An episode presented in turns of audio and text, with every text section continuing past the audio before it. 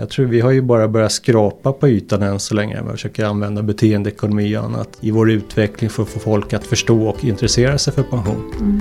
Den här branschen har ju varit ganska mycket utav att försöka utbilda folk till pensionsspecialister snarare än att försöka få folk att förstå. Och det är väl där vi på något sätt försöker ta nya steg och även försöker driva utvecklingen på ett annat sätt också. I år fyller Min Pension 15 år. Det startade som ett enmansföretag och ansågs vara ett unikt samarbete mellan staten och pensionsbolagen. Det skulle bli en tjänst som hjälpte alla som tjänat in till pension i Sverige få koll på hela sin pension. Inför lanseringen var trycket stort och förhoppningarna höga. Och mest nyfikna var ekonomijournalisterna, eller hur Kristina? Ungefär så, fast vi tyckte ju också att det var väldigt spännande. Bolagen som skulle leverera information till min pension var däremot lite skeptiska. Kunde en sån här tjänst verkligen fungera? Ett företag som var en hybrid mellan staten och privat sektor. Skulle den få allmänhetens förtroende verkligen? Och motsvarighet, det hade man aldrig sett i något annat land. Med oss i studion idag har vi Anders Lundström. Välkommen till Min Pensionspodden. Tack för det. Det väl nästan din podd? ytterst ansvarig för den. Du var verkställande direktör då, för 15 år sedan, och du är det fortfarande. Du har varit med på hela min pensionsresa, från start till idag. Tanken är ju att vi ska prata om det som ligger framför oss, men du, kan vi börja med lite tillbakablickar? Hur upplevde du den där första tiden? Det var väl eh, lite grann som du beskriver det faktiskt. Vi satt i en situation med skyhöga förväntningar på redan när jag började att allting skulle vara klart och när Kristina ringde mig från Dagens Nyheter och frågan när skulle det här egentligen vara klart och vara i produktion. Och man kan väl konstatera ganska tidigt när jag kom in där, jag började 17 maj 2004. Så fort man började titta och man började vända på lite stenar då kanske man inte kände sig som en VD direkt utan kanske lite grann som en målvakt.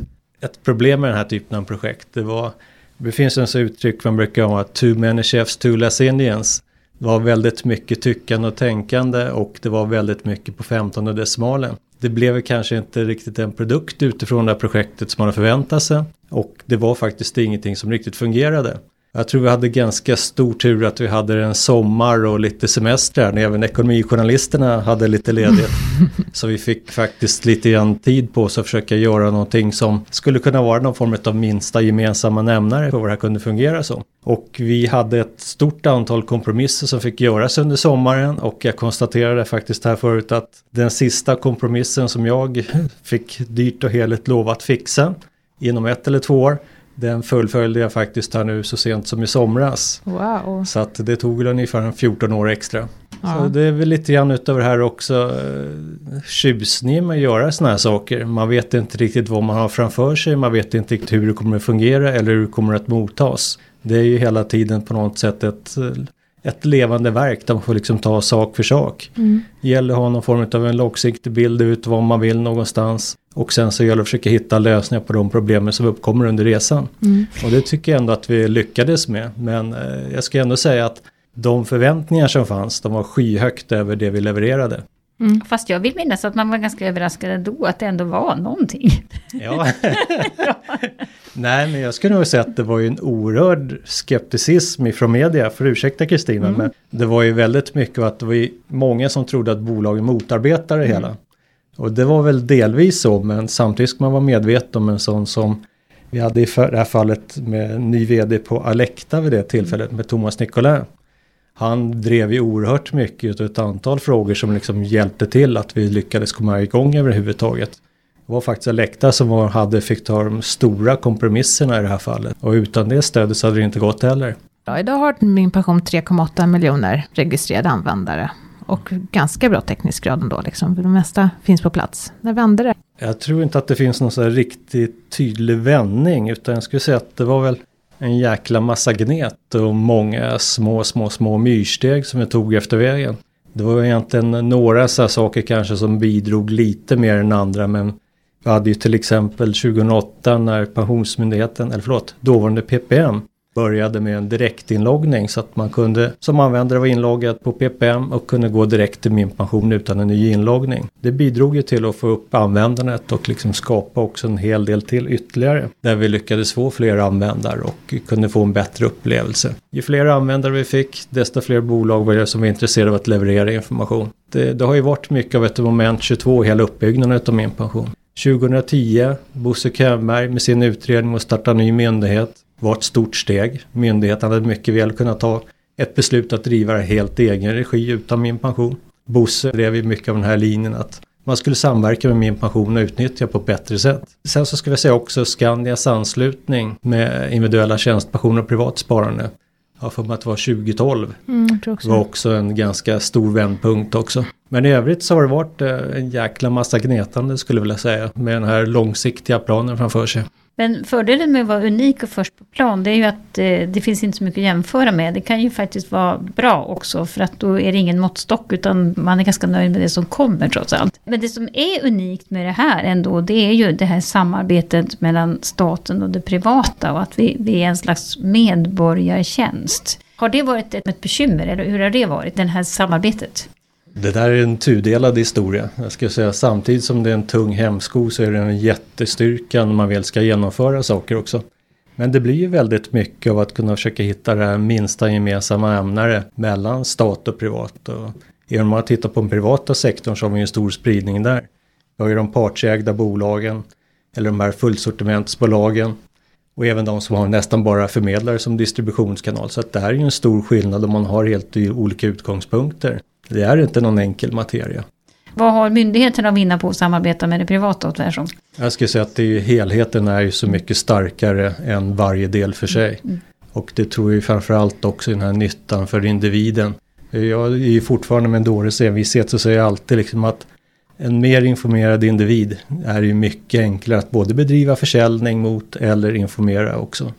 Och även Pensionsmyndigheten säger att min pension är den enskilt viktigaste parten i deras informationsuppdrag. Och det är ju rätt starkt ändå. Mm. Ja, och det är ju mycket roligare att titta på sin egen pension först innan man sätter sig in i hur liksom systemen fungerar. Så tror jag att många känner. Ja, det kan ju väcka mm. också en lust att lära mer när man ser sin egen pension. Ja, ja men det är mycket det tror jag som är liksom på något sätt när möjligheten att bli bättre på också, när skapar det här engagemanget. Jag tror vi har ju bara börjat skrapa på ytan än så länge. Vi försöker använda beteendeekonomi och annat i vår utveckling för att få folk att förstå och intressera sig för pension. Mm. Den här branschen har ju varit ganska mycket utav att försöka utbilda folk till pensionsspecialister snarare än att försöka få folk att förstå. Och det är väl där vi på något sätt försöker ta nya steg och försöker driva utvecklingen på ett annat sätt också. Men samtidigt så möter jag ju ofta av det här att jaha, var det inte svårare än så här? eh, och det är ju lite kul, alltså att, att det finns en förväntansbild av att det här ska vara liksom jättesvårt och komplicerat och alla säger det där, liksom, det, det är övermäktigt. Och, och, och sen när man tittar på sina egna pengar så är det ju inte något svårt. Det är en väldigt vanlig kommentar. Ja, det låter ju ganska lätt sen nu i efterhand, men jag vet ju själv den resa vi hade där när vi liksom började och de här första användartesterna vi hade de var ju så otroligt bra och folk förstod allting. Och sen så när vi startade så var det helt plötsligt ramaskri och folk förstod ingenting. Man fick en massa konstiga frågeställningar. Orsaken till det, det var att vi hade testat med dummy-data och inte testat med individers riktiga data. Och när man liksom har en sån här, vad ska vi kalla det för medborgartjänst, med så pass många olika typer utav bakgrund, med olika fakta, bakgrund, liksom man har en annan ekonomisk kunskap. När man har en så här spridd spretig grupp, då gäller det verkligen att hålla det enkelt. Så jäkla enkelt som möjligt och sen så liksom komma ner nivå för nivå. Vi var ju inte där 2004. Det var ju nästan först att vi någonstans 2012 började komma in på de här delarna och den förståelsen. Det tar ganska många år att bara lära sig att informera på ett bra sätt. Mm. mm. Du, är min pension världsunikt och i så fall varför? Det är världsunikt så tillvida att vi är de enda som har statligt och privat i ett och samma bolag och samma bakgrund med information. Det finns inget annat där man på samma sätt samverkar. Det är tungt. Ja, däremot ska jag säga danskarna, de har vi hållit på fem år längre. Men de har ju inget statligt på det viset och de produkterna är inte riktigt på samma nivå heller. Mm. Är det sådär så att andra länder vill komma och lära ut av Sverige? Oh ja, det är det. Och jag tror till och med att det är så att om man jämför med andra länder så är det många som skulle ge sin högra hand liksom för att få ett orange kuvert bara. Jag var här i England i somras och hörde Guy Apperman, deras pensionsminister. Då intresserade han idén på att införa ett orange kuvert i England. Och eh, det är en ganska lång resa som man har framför sig då också. Men, mm. men, samtidigt så kan man säga då ur ett svenskt perspektiv i den här globala världen som vi nu mer och mer lever i. För vi visar ju faktiskt bara svensk pension. Och många har nu andra erfarenheter från arbetsliv i andra länder. Om du spanar in i framtiden nu då, tror du att vi så småningom kommer att lyckas och liksom kunna ge det perspektivet också på min pension, alltså pension från andra länder? Det är en lång resa skulle jag säga, men vi har ju påbörjat den och min passion är ju tillsammans med Pensionsmyndigheten med ett arbete som heter European Tracking Service. Och där är det fem olika länder som är med och bidrar. Det är EU-finansierat till viss del. Och där försöker man titta på möjligheten och man ska även bygga någon form av proof of concept på hur man kan utbygga information mellan länder. Det här är ganska många länder som håller på och försöker starta upp olika verksamheter nu. Jag tror att det var en tillväxt någonstans där på 5-6 länder inom de närmaste tre åren som räknar med att starta någonting. Men det är ju en stor skillnad med var man befinner sig mognadsmässigt. Sen så en lösning som måste till också, det är väl den här autentiseringen som kan visa att jag är jag ja, mellan olika ja, länder. Ja. Den är ju en liten nyckel till mm. det hela. Det finns ju ett projekt som heter IDAS som pågår som eventuellt kan vara lösningen där men vi har ju fortfarande problematiken till och med mellan Sverige, Norge och Danmark. Vi kan inte identifiera människan mellan olika länder. Vad är IDAS? IDAS är en plattform för att kunna utbyta olika nationella ID. Så att man ska kunna använda till exempel BankID eller motsvarigheten i Belgien och mm. kunna logga på med den gentemot svenska tjänster. Det skulle ju vara bra, alltså den är nog efterfrågad känns det som. Känns som nyckeln för att komma vidare. Ja, ja det är ja. definitivt en nyckel mm. och framförallt att kunna heta någon form av unik nyckel mellan länderna då, någon form mm. av europeisk ID. Mm. Ja, det senaste året har varit händelserikt för min pension måste vi ändå säga. Vi har fått ny grafisk profil, en ny webbsida med massor med nya spännande verktyg och allra senaste raden kom uttagsplaneraren här under hösten 2019. Vad kommer härnäst? Ja, är det slut nu? Nej, det skulle jag inte påstå. Det, det, är väl det som är lite tjusning med det här. Det här kommer aldrig att ta slut utan digitaliseringen bidrar ju liksom till att det hela tiden är en ny utveckling också. Mm. Den närmaste tiden kommer bli väldigt mycket kring uttagsplaneraren, att börja ansluta bolag till den. Och Vadå ansluta bolag, är de inte redan anslutna? De är anslutna så till att vi beräknar uppgifter men man kan göra på lite olika sätt och man kan dessutom se till att man kan överföra en pensionsplan från min pension in till respektive bolag och där se till att effektuera den eller exekvera själva uttaget. Då. Mm. Så blir det liksom en annan typ av beräkning då, det här nya verktyget? Ja, man kan säga att till stor del så är det här lite grann att bygga om information från grunden också. Så det är ett ganska omfattande arbete. Mm. Och här är det lite upp till respektive bolag vad man vill erbjuda för någonting och vad som passar respektive bolag också. Men, så det är ett rätt omfattande arbete vi har de närmaste åren. Sen så kan det vara värt att nämna också just kring uttagsplanerande, vill också få med pensioner som är under utbetalning. Det är ju någonting som vi ser blir allt vanligare. Vi ser ju ett väldigt stor, en stor förändring i beteendet vid pensionering. Att man går mer och mer flexibelt mellan arbete och in i pension. Där man kanske arbetar under ett antal år extra. Går både mellan sparande som pensionär och tillbaka in i arbete igen. Men alltså det här är väl en av utmaningarna som jag tycker att eh, den produkt vi jobbar med är dessutom föränderlig. Förutom att vi försöker förbättra och få mer information. Så när vi liksom har uppnått någonting då, då ändras allting. Och så måste vi liksom eh, det gäller ju både pensionsåldrarna och även konstruktioner av tjänstepensioner och privat sparande och allting. Finns det en risk för att det blir svårt att liksom fullfölja det här uppdraget att visa hela pensionen? Ser du några hinder på vägen här? Det kommer bli en allt mer tunn linje mellan, ska jag säga, de produkter som visas på min pension och det man egentligen avsätter som pensionssparande. Det vi ser ju att det är ju allt fler som använder ISK och andra typer av produkter för att kunna pensionsspara i. Det är många som tycker att det här är jobbigt, som vill ha någonting och där man kanske inte själv litar på sig själv fullt ut utan man vill ha någonting som är inlåst mm. och som man inte kan ta utav. Jag tror ju också att med den här nya riktåldrarna som kommer kommer att ske en hel del förändringar också i våra tjänster också framåt. Så att det är mycket som rör på sig. Det är mycket som händer både regleringsmässigt och framförallt även beteendemässigt. Jag tror att vi ser många av de här nya aktörerna inom PSD2, många fintechbolag och annat, det kommer att driva vår verksamhet också i en annan riktning. Jag tror att vi kommer att gå allt mer från vår egen webbsida till att kanske vara en form av olika tjänster som kan integreras. Vi har ju nu det här digitala orangea kuvertet som vi har. Det är en första typ av sån tjänst. Jag tror att vi kommer att rulla ut allt fler sådana tjänster i framtiden. Där man kommer att se det här behovet som finns på ett helt annat sätt. Så om 15 år så ser vi inte alls ut som idag. Nej, det är väl det enda vi kan vara säkra ja. på. Finns det något annat som står på agendan då som liksom ligger nära till som kommer att hända ganska snart?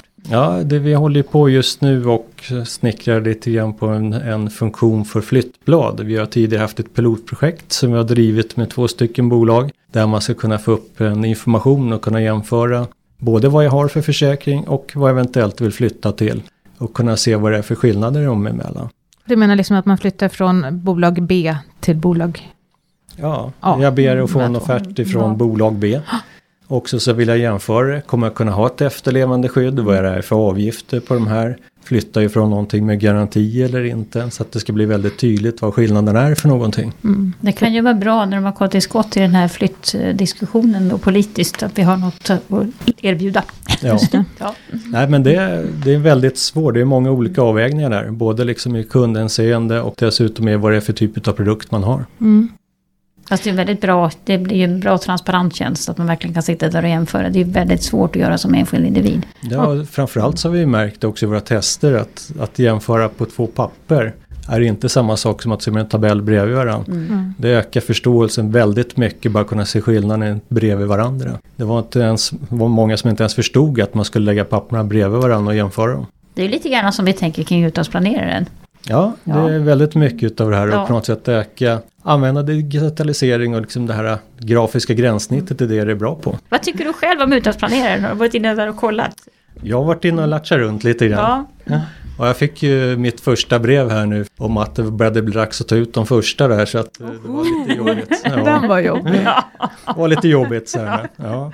Annars så var Men det så himla... gammal är du inte. Det måste vi säga då. Nej men det var för 55-åring. Ja, precis. Jag hade ju planerat att börja ta ut pension vid 55 år så att eh, det är ju så man växer upp inom försäkringsbranschen och Mm. börjar tidigt. Jaha, och sen har lärdomarna med min, med min pension lärt dig att det är för tidigt att gå i pension vid 55. Man ska säga att eh, det ser väl lite annorlunda ut idag än vad det gjorde när jag började spara då vid kanske om det var 22 års ålder eller om det var 21 års ålder. Mm. Det har hänt en del sedan dess, både med arbetslivet och hur, vi, hur länge vi lever också. Mm. Med mindsetet framförallt tror jag. Ja. Mm. Men eh, man kan bara konstatera det att ju mer man lär sig om pension desto mer förstår man att man inte förstod. Är det någonting du är extra stolt över då, under de här åren med min pension?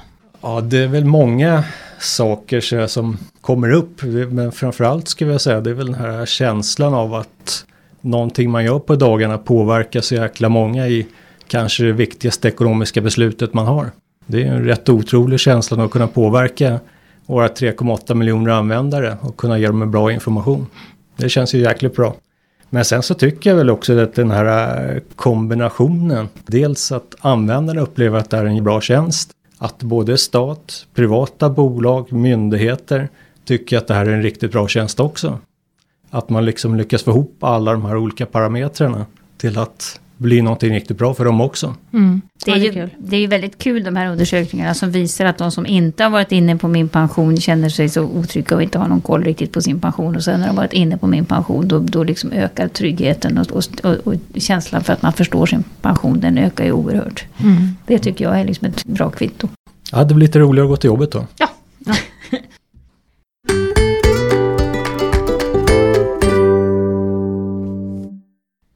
och sen så dagens fråga. Jag tror att Anders kanske också kan svara på den här. När min pension räknar pensionsprognoser behöver vi göra antaganden om hur mycket ränta det ska bli på sparade pengar. Och under hösten har det i media diskuterats varför min pension antar en så låg utveckling på sparandet.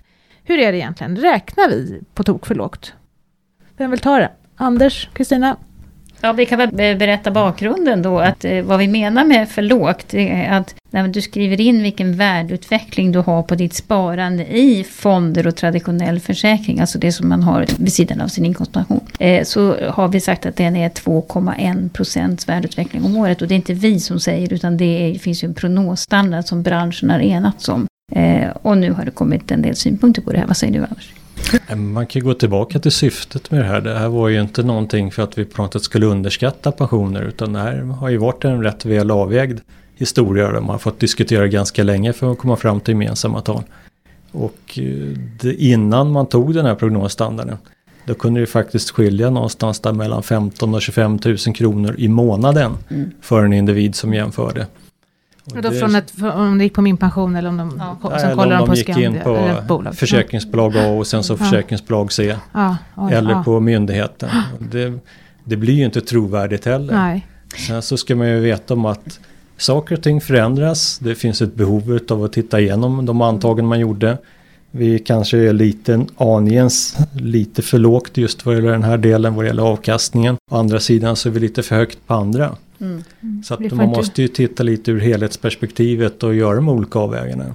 Nu kommer det att komma en, en översyn här utav prognosstandarden framåt. Så får man väl se också, kommer vi ha samma ekonomiska utveckling i framtiden som vi haft de sista åren? Det har ju varit en otrolig börsutveckling som mm. inte jag förutsåg i alla fall. Nej. Det Men ska sen, man också ha med sig. Sen är det viktigt att komma ihåg också att det som visas på min pension är ju eh, pension, den framtida pensionen omräknat till dagens löner och priser. Mm. Eh, just för att man ska förstå att, att eh, det här är den pension jag kommer att få när mjölken kostar 13 kronor. Inte kanske när verkligheten om 50 år när mjölken kostar liksom 78 kronor litern. Eh, och det här gör ju då att vi liksom måste, måste räkna baklänges när det gäller värdeutveckling. Vi måste ju ta den realt istället för den nominella siffran. Mm. Det här tror jag också sätter lite myror i huvudet på folk. Ja, för Pensionsmyndigheten menar det att den här 2,1 det motsvarar egentligen 5,9 procents avkastning. Ja. Mm. Nej men sen så man får väl också fundera på är vi ute efter någonting på 14 decimalen eller är vi ute efter mm. någonting som folk förstår också. Ja. Jag kan ju bara ta som en liten jämförelse. Vi hade ett gäng eh, som höll på med en undersökning, en kvalitativ undersökning och de hade rätt lång genomgång av deras pensionsprognoser de tänkte och sådär. Så ringde de upp dem dagen efter. Det var 16 personer i den här undersökningen. En utav 16 kunde på 1000 kronors när säga vad de hade fått för prognos. Mm. Det är andra saker som spelar in. Vi har inte bara de här som är högutbildade och finansiellt kunniga i alla olika delar. Det är en liten grädda som vi pratar om. De andra har ett helt annat behov av att förstå det här. Men sen så måste man vara, låta folk vara medvetna om ränta på ränta och det det gör. Skillnader exempelvis avgifter och avkastning och annat. Men det går ju faktiskt om man nu ser att man själv har en betydligt högre avkastning kan man ju faktiskt gå in och även göra den jämförelsen också på olika försäkringar. Se hur pass mycket mer man avkastar. Mm. Det är ju inte som så att vi på något sätt inte låter folk räkna på det. Men att det ska vara för att man har lite bättre kunskap då kanske och gör de här egna valen. Och är medvetna om det. Mm. Och jag tycker ändå, jag som träffar så många, både alldeles blivande pensionärer och de som nyligen har gått i pension. Och det är ju väldigt, väldigt ofta de säger, och det stämde så bra, det stämde nästan på kronan när. Mm. Ja, vi har ju hunnit ganska långt här ändå. Man kan bara ta som en, en liten jämförelse hur det ser ut ute i övriga länder i Europa där. Vi har ett land som då har gjort en undersökning på en miljon försäkringar. 20 procent av de här försäkringarna, kunde man, 200 000 försäkringar, kunde man inte ens identifiera vem som var försäkringstagare. Det var ett, någonstans i storleksordningen 200 miljarder svenska kronor Oj, som skulle kunna försvinna när man inte kunde hitta vem som var rätt försäkringstagare. Så att eh, uh. jag, jag, tror det finns lite allvarligare saker. Ja. Ja, det var allt för idag. Tack Anders för att du kom hit och berättade om både min pension då och i nu och framtiden. Och grattis till de 15 första åren. Tack också till dig som lyssnar på Min Pensionspodden. I dagens program deltog Min Pensions VD Anders Lundström, Kristina Campos och jag själv Maria Eklund. Jag, eh, om du gillar vår podd blir vi glada om du följer oss och delar poddavsnittet med dina vänner. Ge oss gärna förslag på intressanta ämnen och poddgäster och ställ frågor till oss via podd.minpension.se. Nya avsnitt släpper vi varannan fredag och du hittar dem i kanaler där poddar finns. Ta hand om dig och din passion så hörs vi snart igen. Hej hej! Hej då! Hej då!